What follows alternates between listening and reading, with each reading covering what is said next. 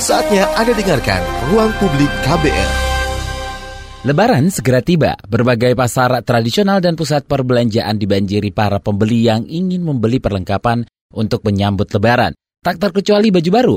Memakai pakaian baru pada hari Lebaran memang telah menjadi tradisi bagi sebagian kaum muslimin di mana pun.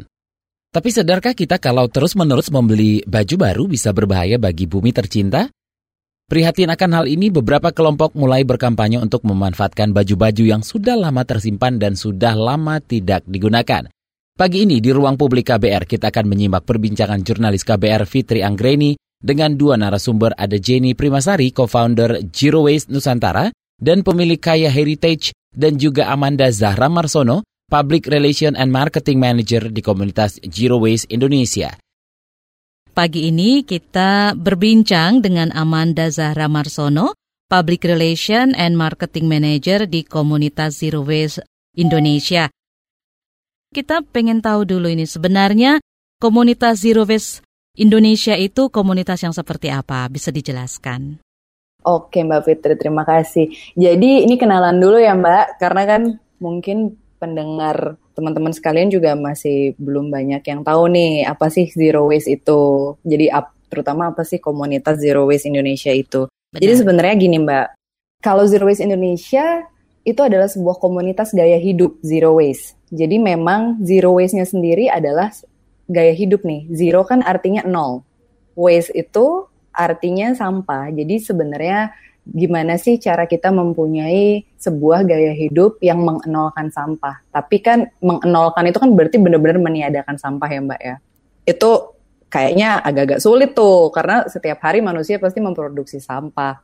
Tapi akhirnya gimana caranya supaya bisa mengenol, mengenolkan sampah walaupun agak-agak kok kayaknya kurang ini ya, kok kayaknya kok kurang bisa nih, kurang kurang bisa dijalani. Jadi ya udah gimana cara kita supaya meminimalisasi lah setidaknya gitu Mbak. Jadi kalau bisa disimpulkan secara keseluruhan komunitas Zero Waste Indonesia adalah sebuah komunitas yang pertama dan terbesar di Indonesia mengenai gaya hidup zero waste.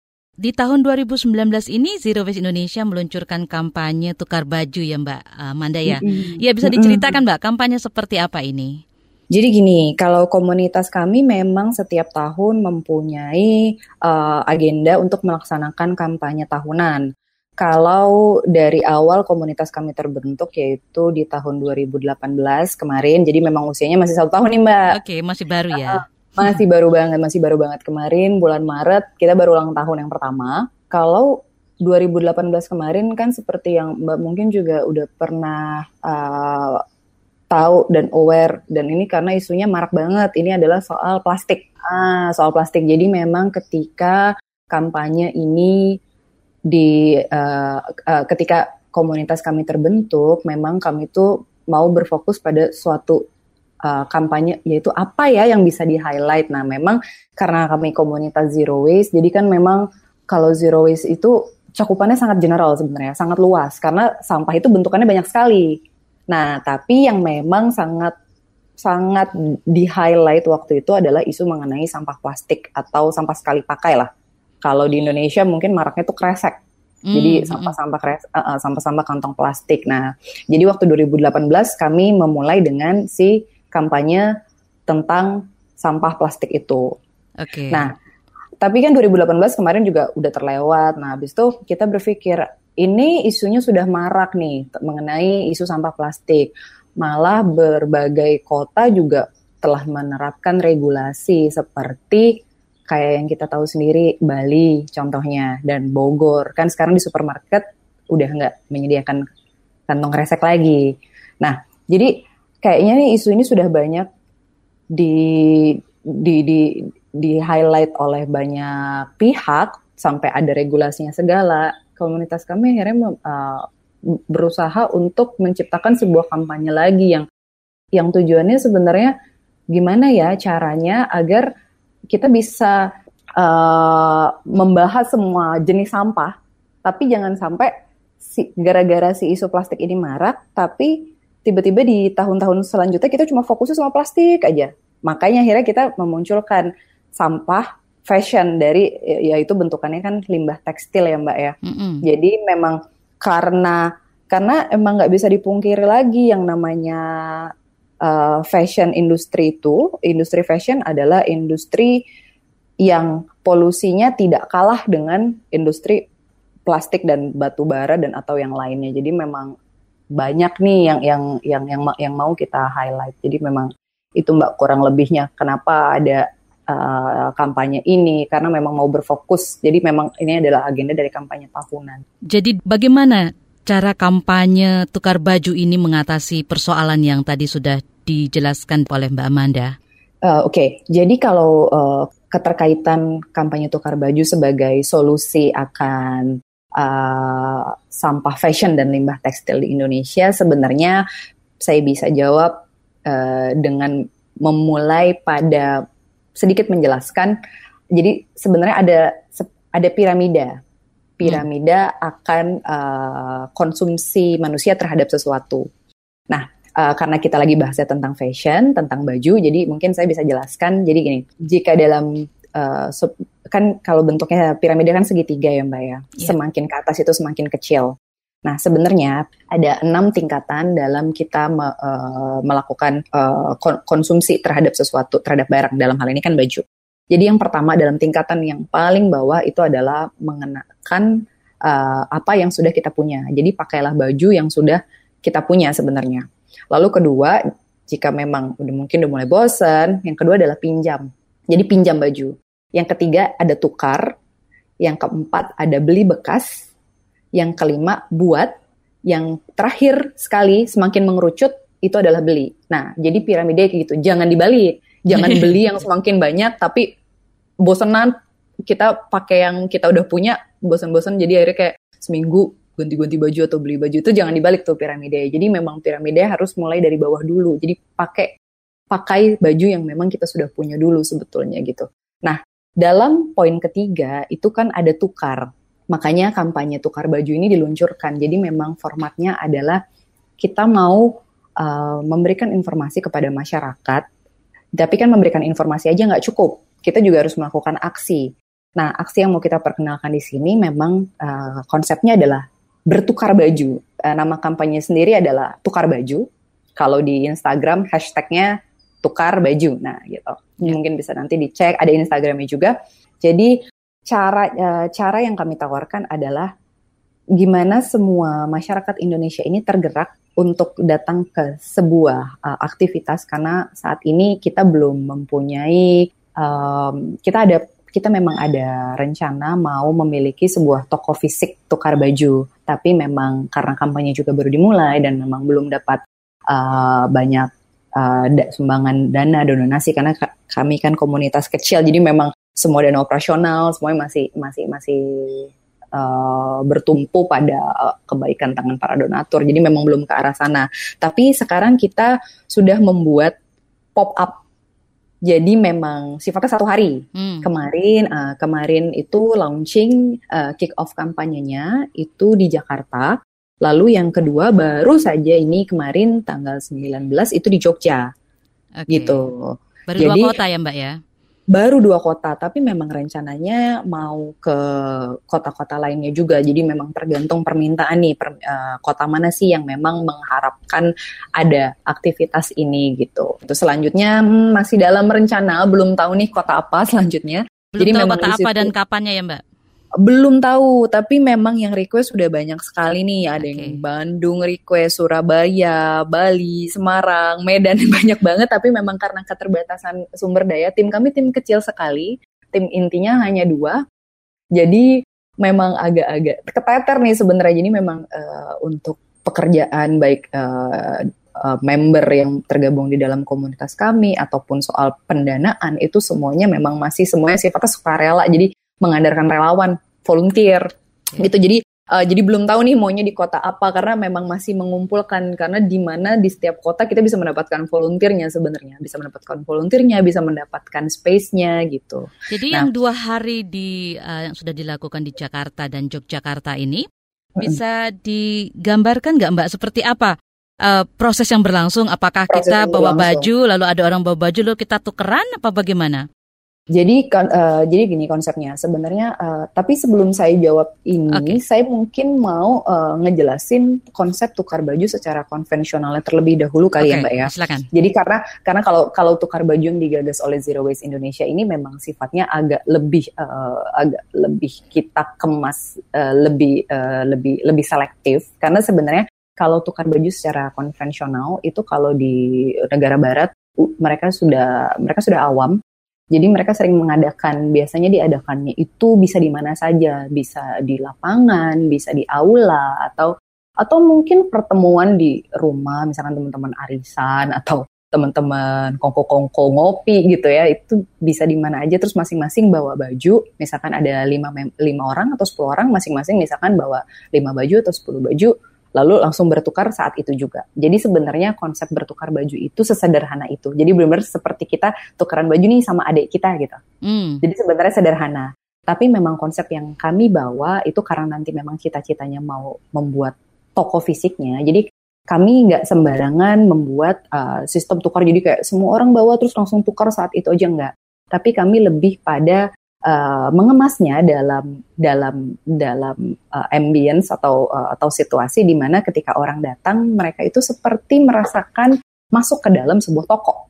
Oke. Okay. Sebenarnya gitu. Jadi memang kami sudah menyediakan stok, kami sudah mendisplay beberapa beberapa jadi uh, beberapa stok pakaian-pakaian dan itu bermacam-macam. Ada uh, untuk saat ini kami baru berfokus kepada pakaian dewasa saja.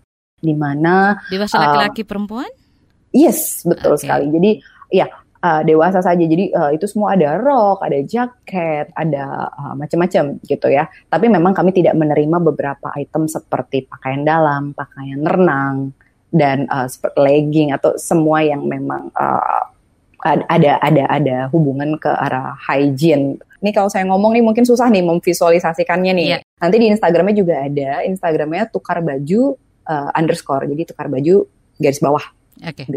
Ya, jadi nanti bisa dicek kurang lebihnya seperti apa. Tapi intinya adalah uh, keadaannya ketika masuk registrasi um, mereka drop bajunya dulu. Jadi drop bajunya nanti bajunya langsung dikurasi di tempat saat itu juga.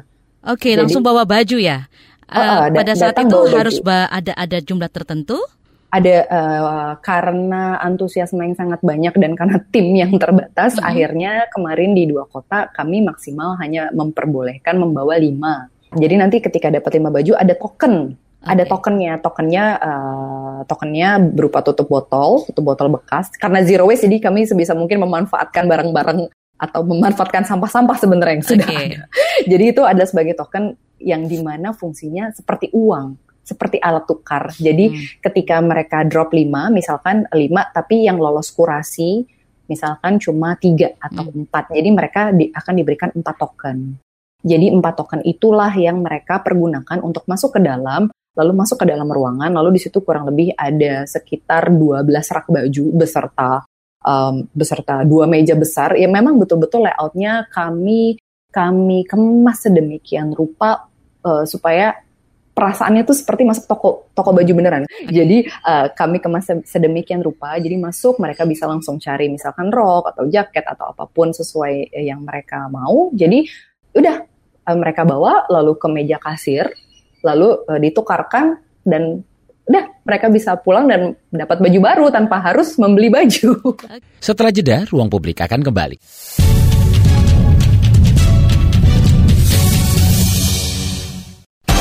Masih Anda dengarkan Ruang Publik KBR. Kembali kita simak Ruang Publik KBR dengan narasumber Amanda Zahra Marsono, Public Relation and Marketing Manager di komunitas Zero Waste Indonesia. E, kemarin acaranya yang datang atau pakaian yang bisa terkumpul, boleh tahu ada berapa banyak? Kalau kemarin uh, saya cerita dari yang uh, recent aja nih yang hmm. baru terjadi di Jogja. Kemarin uh, kurang lebih ada seribu baju yang ditukar di hari itu. Wow. Jadi Ya, ada seribu baju yang ditukar karena kemarin yang datang juga ada sekitar 280 orang. Okay. Jadi uh, hampir 300 hampir 300 uh, orang saat itu dan memang masing-masing uh, ada yang bawa lima baju, ada yang bawa tujuh baju, tapi memang tetap kita akan terimanya lima aja hmm. karena memang keterbatasan tempat hanger dan semuanya, jadi memang tidak bisa mendapat uh, ini banyak-banyak uh, uh, kita taruh stok banyak-banyak itu nggak bisa gitu. Jadi memang jadi seperti itu. Nah kalau untuk uh, misalkan uh, jadi bingung nih kok tukar baju tapi ada stoknya terus stoknya dapat dari mana nah hmm. jadi nah jadi sebenarnya itu karena itu banyak ditanyain tuh gimana saya tukar karena kebanyakan orang itu skeptis ketika datang ke sebuah event seperti ini uh, kita juga banyak mendapatkan DM yang bertanya bahwa saya tuh gendut loh atau uh, saya tuh badannya kecil banget dan uh, ukuran badan saya itu tidak normal. Jadi apakah mungkin ini kan cuma tukeran baju, apakah mungkin ya saya bisa dapet yang sesuai dengan ukuran saya? Itu banyak yang kayak gitu. Itu mungkin uh, kekhawatiran seperti itu mungkin bisa, uh, itu sangat jelas bisa terjadi kalau tukar bajunya secara konvensional. Karena kalau konvensional kan memang 10 orang yang datang masing-masing boleh bawa 5, berarti kan cuma ada 50 baju nih. Betul. Ya kan? Tapi kalau karena uh, tukar baju yang digagas uh, oleh Zero Waste Indonesia ini karena formatnya adalah seperti toko, jadi memang stok yang uh, di display, stok yang ada pada saat itu jumlahnya sangat banyak sekali. Karena memang uh, formatnya setiap menit itu pasti akan ada baju baru. Karena kan orang datang drop lima bajunya, lima baju terpasang, lima menit kemudian ada orang lagi lima baju. Jadi sebenarnya justru bajunya nggak habis-habis tuh. Jadi Tapi yang kan, lima dibawa oleh uh, yang datang itu langsung dipajang juga? Langsung, langsung okay. dipajang saat itu juga. Kami udah punya tim yang memang tugasnya kocar kacir lari-larian di belakang. Jadi habis di meja registrasi kita kurasi, uh, tim kurasinya uh, ada dua orang. Uh, itu juga masih kurang tuh. Uh, itu langsung tim yang belakang nih langsung uh, ketika udah ditaruh baju-bajunya semua langsung dipakai uh, hanger, pakai gantungan baju langsung ditaruh di rak-rak dan kita sortir berdasarkan warna. Jadi memudahkan juga bagi pengunjung ketika datang, ah saya maunya lagi pengen karena ada kondangan nih misalkan atau ada uh, undangan arisan atau apa pun butuhnya dress code-nya warna biru. Oh, saya cari di rak baju warna biru aja gitu. Kebanyakan memang, yang dapat baju apaan, Mbak? Jenisnya apakah baju kaos, apa celana jeans atau ada yang tertentu begitu? Bervariasi, bervariasi. Okay. Tapi kalau untuk kaos memang kami tidak menerima kaos. Oh, enggak terima kaos ya? Memang uh, memang enggak terima kaos. Jadi memang karena sifatnya dikurasi, jadi memang baju-baju yang kami uh, yang yang kami terima dan akan kami tukarkan uh, kami memang ekspektasinya bukan baju-baju santai. Jadi memang uh, karena kalau kaos kayaknya ni, uh, value-nya ya nilainya itu agak rendah untuk ditukarkan. Karena uh, uh, karena bahan kaos sendiri kan juga cepat pudar dan segala macam. Tapi memang kalau uh, seperti blus, hmm. terus celana, lalu baju-baju kerja itu banyak sekali kemarin uh, yang ditukarkan termasuk gaun saya uh, dress ya, mm-hmm. saya dapat dua gaun formal bisa dipakai buat uh, ngemsi atau buat macam-macam. Jadi memang uh, itu tergantung memang orang yang datang di hari itu. Sebenarnya itu adalah sensasinya, itu adalah pengalaman yang nggak bisa digambarkan ketika uh, kita datang ke toko baju biasa karena dengan bertukar baju itu kayak surprise sebenarnya. Kita jadi uh, penasaran dan uh, kebanyakan orang ketika datang pengunjung itu misalkan gini, udah satu kali ngeliat terus kayak oh mungkin gak ada yang cocok, tapi mereka kayak rela untuk nunggu another 30 menit di tempat itu karena mereka nunggu karena setiap menit kan ada baju baru nih mbak. Ya, jadi pinter nih pada pada kayak nunggu gitu, pada nunggu uh, tunggu aja pasti kan nanti ada orang lain bawa baju lagi wak, gitu. Jadi memang sensasi berburunya itu dan karena setiap baju yang masuk itu kan jumlahnya hanya satu. Jadi hmm. hanya satu model dan hanya satu warna itu aja dan hanya satu size. Jadi memang karena kelangkaannya itu juga membuat um, sensasinya tuh justru lebih seru. Justru itu mungkin karena itu juga antusiasmenya alhamdulillah banyak di berbagai kota gitu. Jadi nggak ada melibatkan uang sama sekali ketika transaksi ya?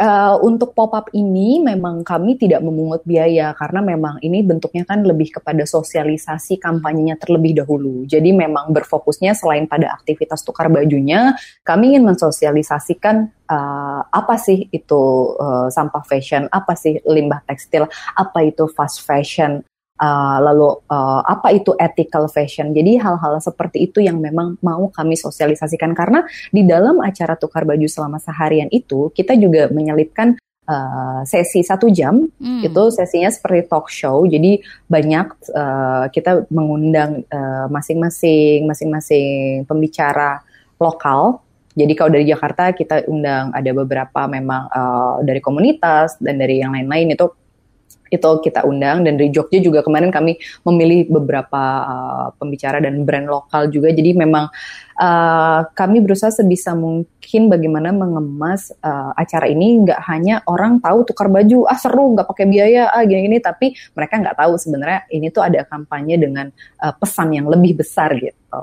Nah terutama untuk tadi uh, melanjutkan masalah stok uh, komunitas uh, sadari sadari itu juga kemarin membantu kami dalam menyediakan stok. Kebetulan Sadari Sadari juga merupakan mitra resmi kami untuk kampanye tukar baju selama 2019. Oh, okay. Jadi untuk di Jakarta kemarin stoknya semua adalah dari komunitas Sadari Sadari. Komunitas ini uh, uh, agak mirip dengan tukar baju, cuma berbeda mekanisme karena mereka sifatnya adalah menerima donasi baju bekas, lalu mereka menjualnya kembali untuk uh, beasiswa pendidikan anak-anak kurang mampu di Indonesia. Okay. Nah, karena banyak yang mendonasikan, akhirnya mereka juga punya banyak stok nih, okay. banyak stok-stok yang tidak tidak hmm. terpakai.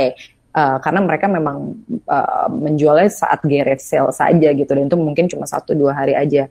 Nah ada stok-stok yang tidak terpakai ini yang mereka pinjamkan, hmm. mereka pinjamkan karena sifatnya kan ditukar. Jadi mereka misalkan mereka kasih, uh, pinjamkan 500 baju di hari itu juga mungkin mereka bisa dapat lebih dari 500 baju karena kan um, baju yang mereka pinjamkan itu ditukar lagi sama yang lain. Jadi uh, kita ber, bekerja sama dengan uh, komunitas-komunitas seperti itu. Nah di Jogja okay. juga ada komunitas-komunitas lokal. Jadi memang um, sesinya dibuat seinteraktif mungkin, tapi juga seseru mungkin juga. Oke, okay. Mbak Amanda sebenarnya seberapa urgent kita harus mulai memikirkan untuk uh, mengurangi membeli pakaian baru? Kalau ditanya beberapa urgent, sebenarnya sangat urgent karena um, inilah makanya kenapa kita mau mengangkat kampanye ini karena kita mau membuka mata membuka mata banyak pihak bahwa termasuk saya sendiri karena saya juga sama-sama di sini sama-sama belajar um, uh, pakaian itu sering kali dilupakan limbah tekstil itu sering kali dilupakan.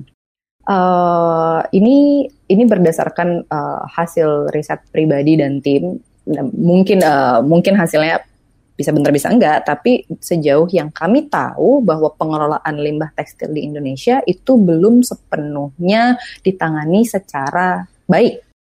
Karena yang namanya limbah tekstil itu uh, jadi baju-baju bekas itu itu uh, hanya sekian uh, persentase sangat kecil yang didonasikan atau dibeli orang lain. Jadi uh, si baju-baju yang tidak laku itu bisa uh, berakhirnya di TPA tempat pembuangan akhir atau di laut. Karena tim kami sendiri ada yang pernah melakukan beach cleaning di Saparua. Jadi di Maluku waktu itu dan uh, ini kaget banget ketika dia membersihkan dia dan seluruh tim volunteer di hari itu menemukan kemeja, celana jeans itu di pantai. Tadi Mbak bicara soal uh, dampak polusi yang dihasilkan oleh limbah tekstil begitu ya. Uh, bisa bisa digambarkan apa saja ya Mbak uh, dampak-dampaknya selain tentu produk yang dihasilkan? Jadi kalau limbah tekstil sendiri itu bentukan uh, sampahnya atau limbahnya walaupun tidak terlihat karena kan kalau tekstil kita taunya cuma baju-baju nih mm-hmm. yang ada di lemari yang kita pakai tapi sebenarnya tanpa kita sadari ada sampah lain yang sebenarnya dihasilkan jadi pertama adalah pastinya limbahnya bentukannya ke lingkungan ya. Jadi karena kalau kita dalam industri fashion itu sendiri, dalam uh, pembuatan tekstil itu kan banyak memakai dalam proses pembuatannya sendiri itu ada beberapa elemen-elemen yang digunakan yang kita banyak ketahui kalau tekstil pasti kalau bukan yang natural ya, kalau bukan memakai bahan natural udah pasti pakai bahan kimia atau plastik misalkan.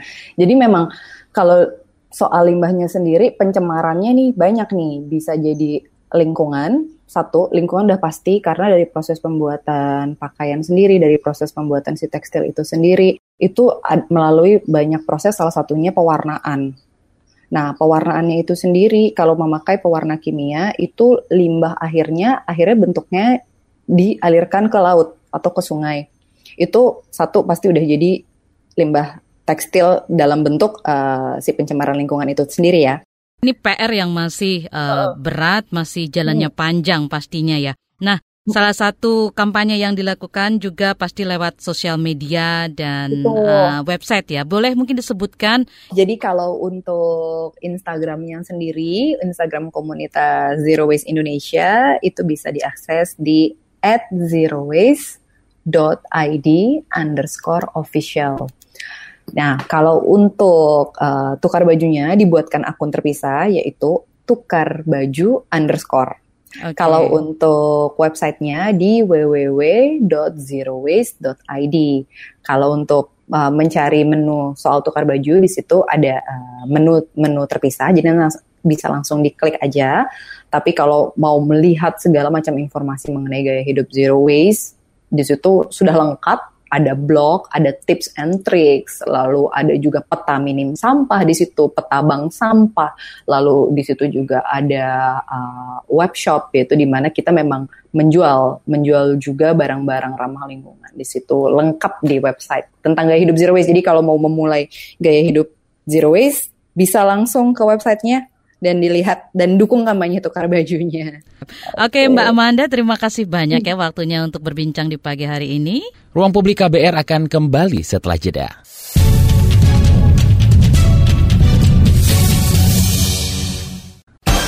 Masih Anda dengarkan Ruang Publik KBR.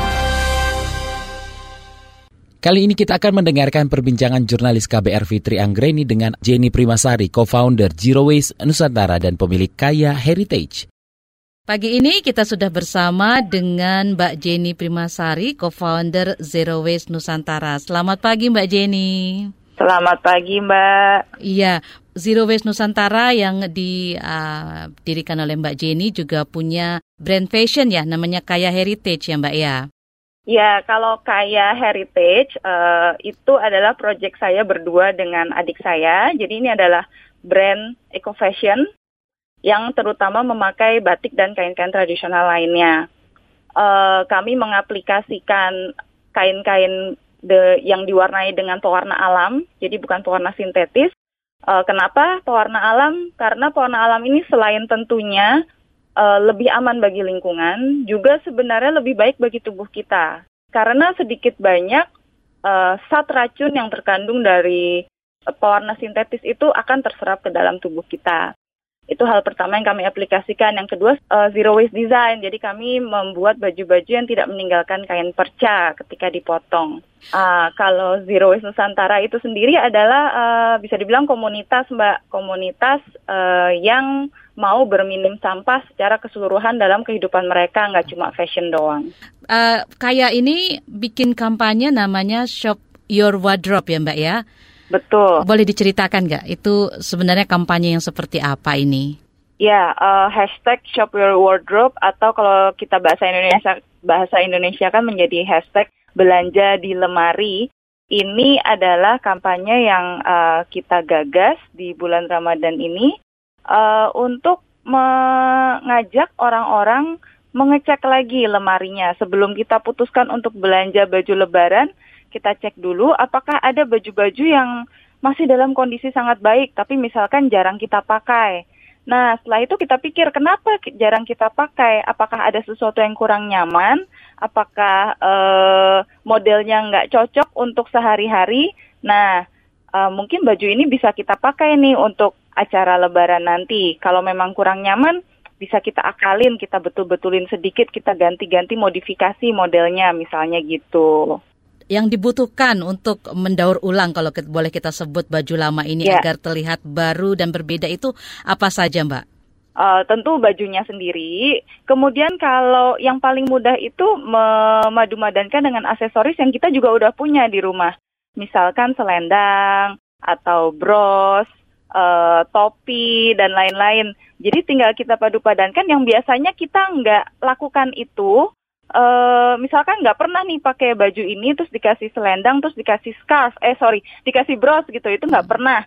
Atau dikasih kalung tertentu itu nggak pernah. Nah coba kita uh, lakukan siapa tahu ternyata hasilnya uh, bagus dan cocok untuk uh, momen lebaran apa hanya sekedar menambahkan sesuatu mbak apa perlu dilakukan kayak menjahit sesuatu kah atau apa sebenarnya butuh alat khusus juga nggak sih buat bikin bajunya terlihat uh, berbeda begini Ini tergantung um, waktu dan skill yang dimiliki oleh tiap orang ya.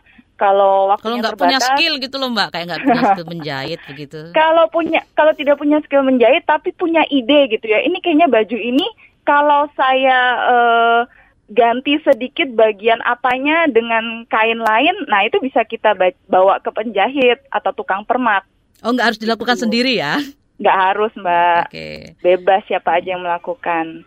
Baju-baju yang sudah dimodif ulang ini eh, di Kaya juga disediakan nggak mbak ya? Ah, kami sedang menuju ke sana mbak. Oke. Jadi kami melihat bahwa ada tren recycling untuk baju, jadi memakai baju lama, baik itu baju sendiri maupun baju orang lain. Ah, kami mau eh, memfasilitasi untuk seperti yang tadi Mbak bilang, kalau nggak punya skill jahit gimana? Nah, kami bisa bantu. Kita Iya, punya bajunya sendiri, lalu Ya. nanti dibawa ke Kaya, lalu nanti Mm-mm. dilakukan modif tertentu begitu ya? betul Mbak. Oke. Yang menjadi target nih mbak, target kampanye belanja di lemari ini apa Ya. mbak? Siapa? Target targetnya siapa? Mm-mm. Hmm, orang-orang yang eh, untuk untuk di tahap awal, mungkin orang-orang yang memang sudah mm, mulai terbuka pikirannya gitu ya. Eh, mungkin mel- memakai baju lama untuk event khusus eh, belum biasa dilakukan di sini. Nah, tapi kan ada orang-orang yang mungkin sudah mengadopsi gaya hidup misalnya zero waste atau minimalistik. Nah, itu eh, lebih mudah untuk kita ajak melakukan yang seperti ini. Jadi untuk tahap awal orang-orang yang kayak gitu, Mbak. Em, kemudian nanti untuk selanjutnya ya kita bisa tularkan ke masyarakat yang lebih luas. Sejauh ini yang mbak Jenny tahu, yang banyak tertarik ini usianya eh, muda apa tua atau latar belakangnya seperti apa begitu? Yang tertarik untuk mendaur ulang pakaian yang mereka sudah punya begitu? Eh, relatif muda ya, di bawah 40 tahun. Em, eh, remaja-remaja kuliahan atau ibu-ibu muda yang sudah punya anak yang kecil-kecil biasanya di umur-umur segitu. Yang tua-tua belum ya mbak ya, yang lebih tua lagi maksudnya? Belum. Mungkin juga pengaruh dari eh, platform yang kami gunakan yaitu sosial media Instagram Em, Oke. yang banyak aktif itu kan usia-usia demikian.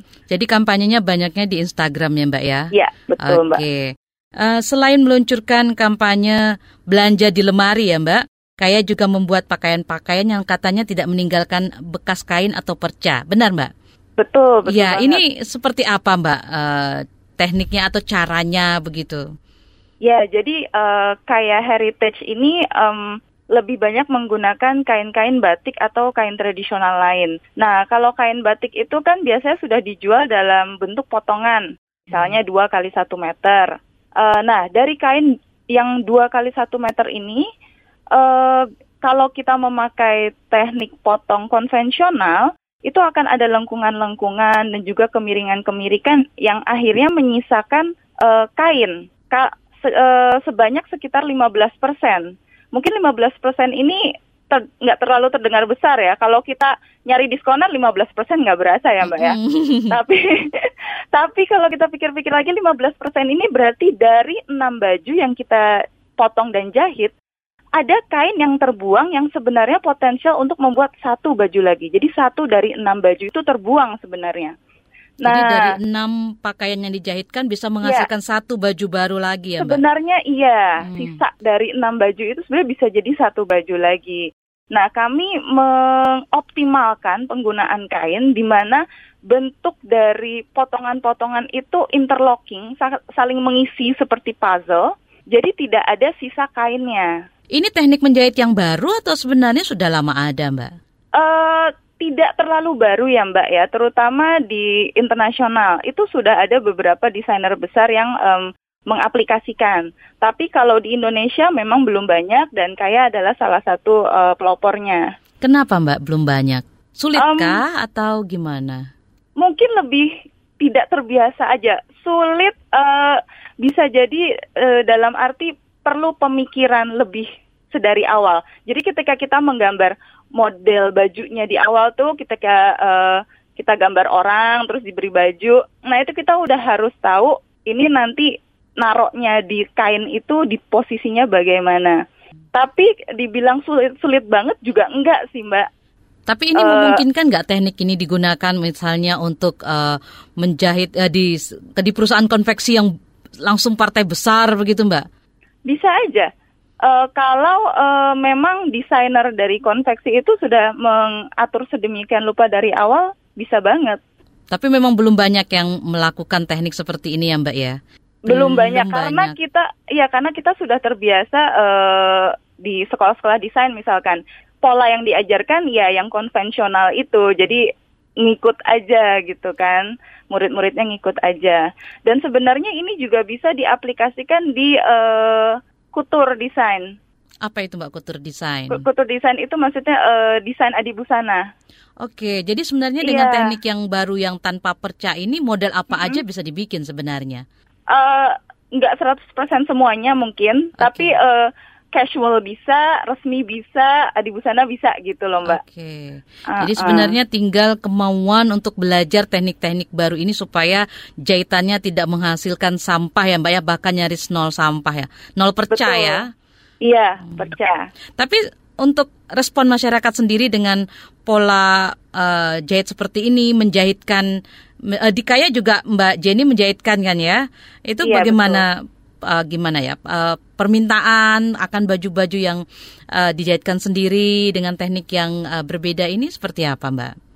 Kalau memang uh, customer itu kebetulan yang punya kepedulian terhadap isu lingkungan, tentu mereka akan prefer yang seperti ini. Hmm. Mereka akan pilih yang uh, minim sampah, eco-friendly.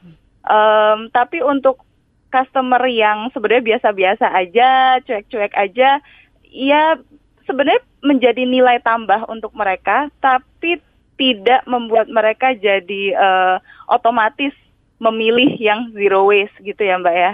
Oke. Jadi untuk bisa mendorong orang untuk mau menjahitkan dengan uh, uh, dengan teknik seperti ini itu juga PR sendiri dan Betul. untuk mendorong orang mau menjahit dengan uh, teknik ini juga itu lebih PR lagi ya karena terkait iya, dengan industri betul. ya Mbak ya. Oh iya iya, kalau industri besar iya. Oke. Okay. Uh, saat ini kan banyak ya Mbak ya merek fast fashion atau fashion cepat ya yang diproduksi setiap tahunnya sehingga orang beli baju makin mudah sehingga dan lebih murah. Orang jarang mau menjahitkan baju. Uh, bagaimana Mbak Jenny melihat sebenarnya fenomena banyaknya merek fast fashion ini Mbak? Uh, ya sedih ya Mbak ya. Kalau kalau tahu dalamnya fast fashion itu sedih. Karena dari uh, fashion cycle uh, season gitu musim fashion yang dulunya itu secara tradisional ada dua season dalam satu tahun oleh fast fashion itu dipercepat menjadi seminggu sekali. Jadi 50 season dalam satu tahun. Dan itu memang uh, menghasilkan baju-baju baru terus menerus ya? Betul. Jadi setiap minggu mereka mengeluarkan model baru dan membujuk orang untuk membeli lagi, membeli lagi. Nah, orang kan sebenarnya nggak perlu baju sebanyak itu ya. Otomatis uh, yang baru dipakai 3-4 kali udah ditinggalin karena dia udah beli yang baru lagi. Dan itu baju yang tidak terpakai akan kemudian berujung menjadi sampah. Dan banyak yang seperti itu. Ada yang tersimpan aja di lemari, ada juga yang uh, langsung dibuang. Ya, tapi kok tersimpan di lemari tidak digunakan uh, jadi apa-apa juga akan berujung rusak dan Betul. kemudian dibuang juga ya Mbak Jenny ya? Iya, one day, one day pasti dibuang. Hmm.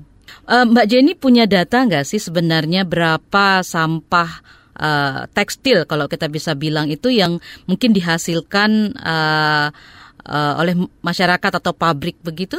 Ya, um, sekitar 53 juta ton dari pakaian dan juga tekstil itu diproduksi setiap tahun. 87 persennya akan dibuang ke TPA atau dibakar. Nah, ini adalah apa ya e, bentuk dari kesalahan sistem dalam kehidupan modern kita. Itu di Indonesia apa dunia, Mbak? Dunia, Mbak. Oke, dunia. Kalau data di Indonesia belum ada ya, Mbak? Belum, ya. Seperti biasa, belum eh, okay. nggak terlalu mudah untuk mendapatkan data seperti Tapi itu. Tapi angkanya besar ya, 87 persen dari produksi Delap itu akan terbuang nantinya ya? Betul, betul. Baik oleh pabriknya sendiri ketika dalam uh, dalam bentuk pecah atau dalam bentuk sisa stok dan hmm. juga da, uh, oleh konsumennya. Jadi baju yang sudah tidak terpakai akhirnya dibuang. Setelah jeda, ruang publik KBR akan kembali.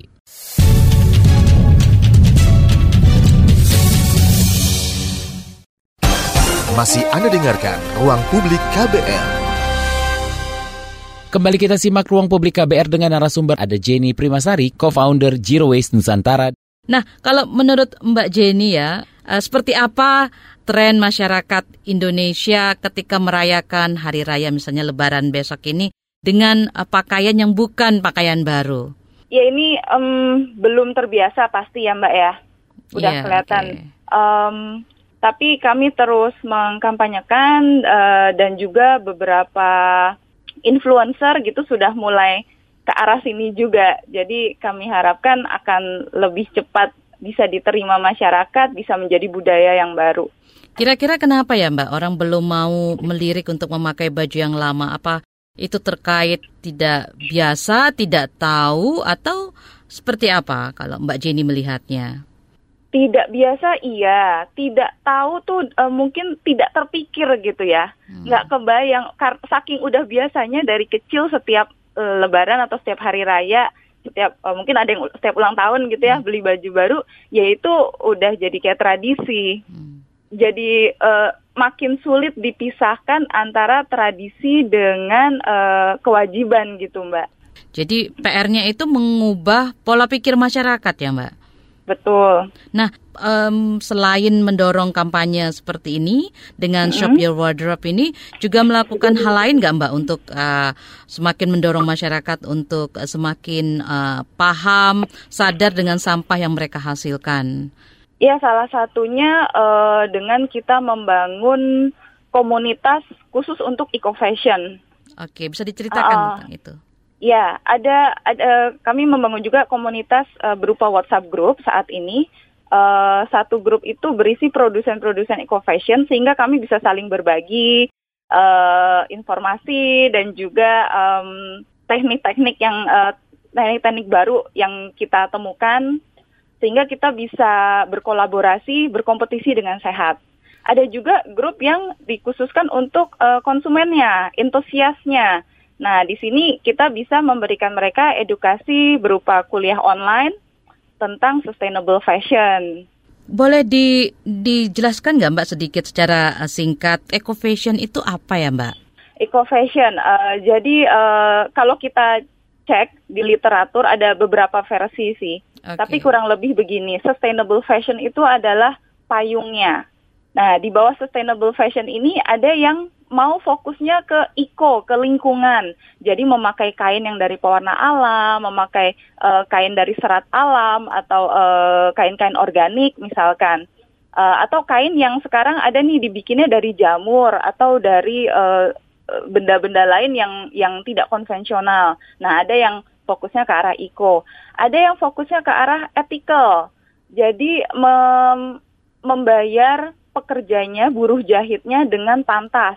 Cukup untuk kehidupan mereka. Karena salah satu yang disoroti dari fast fashion itu juga bahwa mereka tidak memberikan upah yang cukup untuk buruhnya. Bahkan beberapa eh, sebagian pabrik itu memberikan eh, space untuk buruhnya eh, mereka menjahit di situ, tidur di situ, makan di situ, hidup bersama keluarganya di situ, di space kecil cubicle gitu. Eh, nah, ini ada yang tadi sorotannya ke eh, ethicality-nya, kemu ethics maksud saya. Eh, kemudian ada juga yang ke arah eh, misalkan etis terhadap binatang, jadi anti terhadap eh, percobaan-percobaan terhadap binatang, tidak menggunakan bulu-bulu binatang dan sebagainya. Nah, eh, jadi tadi ada paling tidak tiga ya, ada tiga jurusan dari sustainable fashion, begitu Mbak. Mbak Jenny, jadi Ya. sebenarnya kapan kita perlu membeli atau membuat atau menjahitkan baju baru sebenarnya? Perlu nggak sih? Eh, ya namanya manusia ya kita perlu dong, kita perlu Tetap perlu ya Mbak ya? me- ya melengkapi tubuh kita dengan baju tetap perlu Mbak. Em, cuma yang perlu kita perhatikan sebagai konsumen, em, seberapa banyak kita perlu membeli baju baru. Eh, kemudian kalau kita lagi perlu beli baju baru, eh, bahan seperti apa, merek seperti apa, model seperti apa yang perlu kita uh, punyai gitu. Uh, terakhir Mbak Jenny, apa imbauan yeah. Mbak Jenny untuk uh, masyarakat yang akan menyambut Lebaran, tetapi tetap ingat akan uh, uh, memperhatikan sampah begitu? Oh oke, okay. kalau secara keseluruhan, uh, pertama dari uh, makanan, kita sediakan makanan secukupnya dan um, kita habiskan apa yang sudah kita ambil di piring kita. Um, kemudian kalau pas mudik kita bisa bawa tumbler sendiri, uh, nanti bisa kita refill. Refillnya sekarang ada aplikasi Refill My Bottle, itu kita bisa cari di mana tempat yang menyediakan refill air. Atau kalau uh, nggak ada ya kita bisa mampir ke warung atau ke restoran, kita pesen teh tawar, kemudian bisa kita tuang ke tumbler kita kalau tumbler kita sudah habis. Um, kemudian di saat sholat id nanti kita bisa bawa alas sholat sendiri.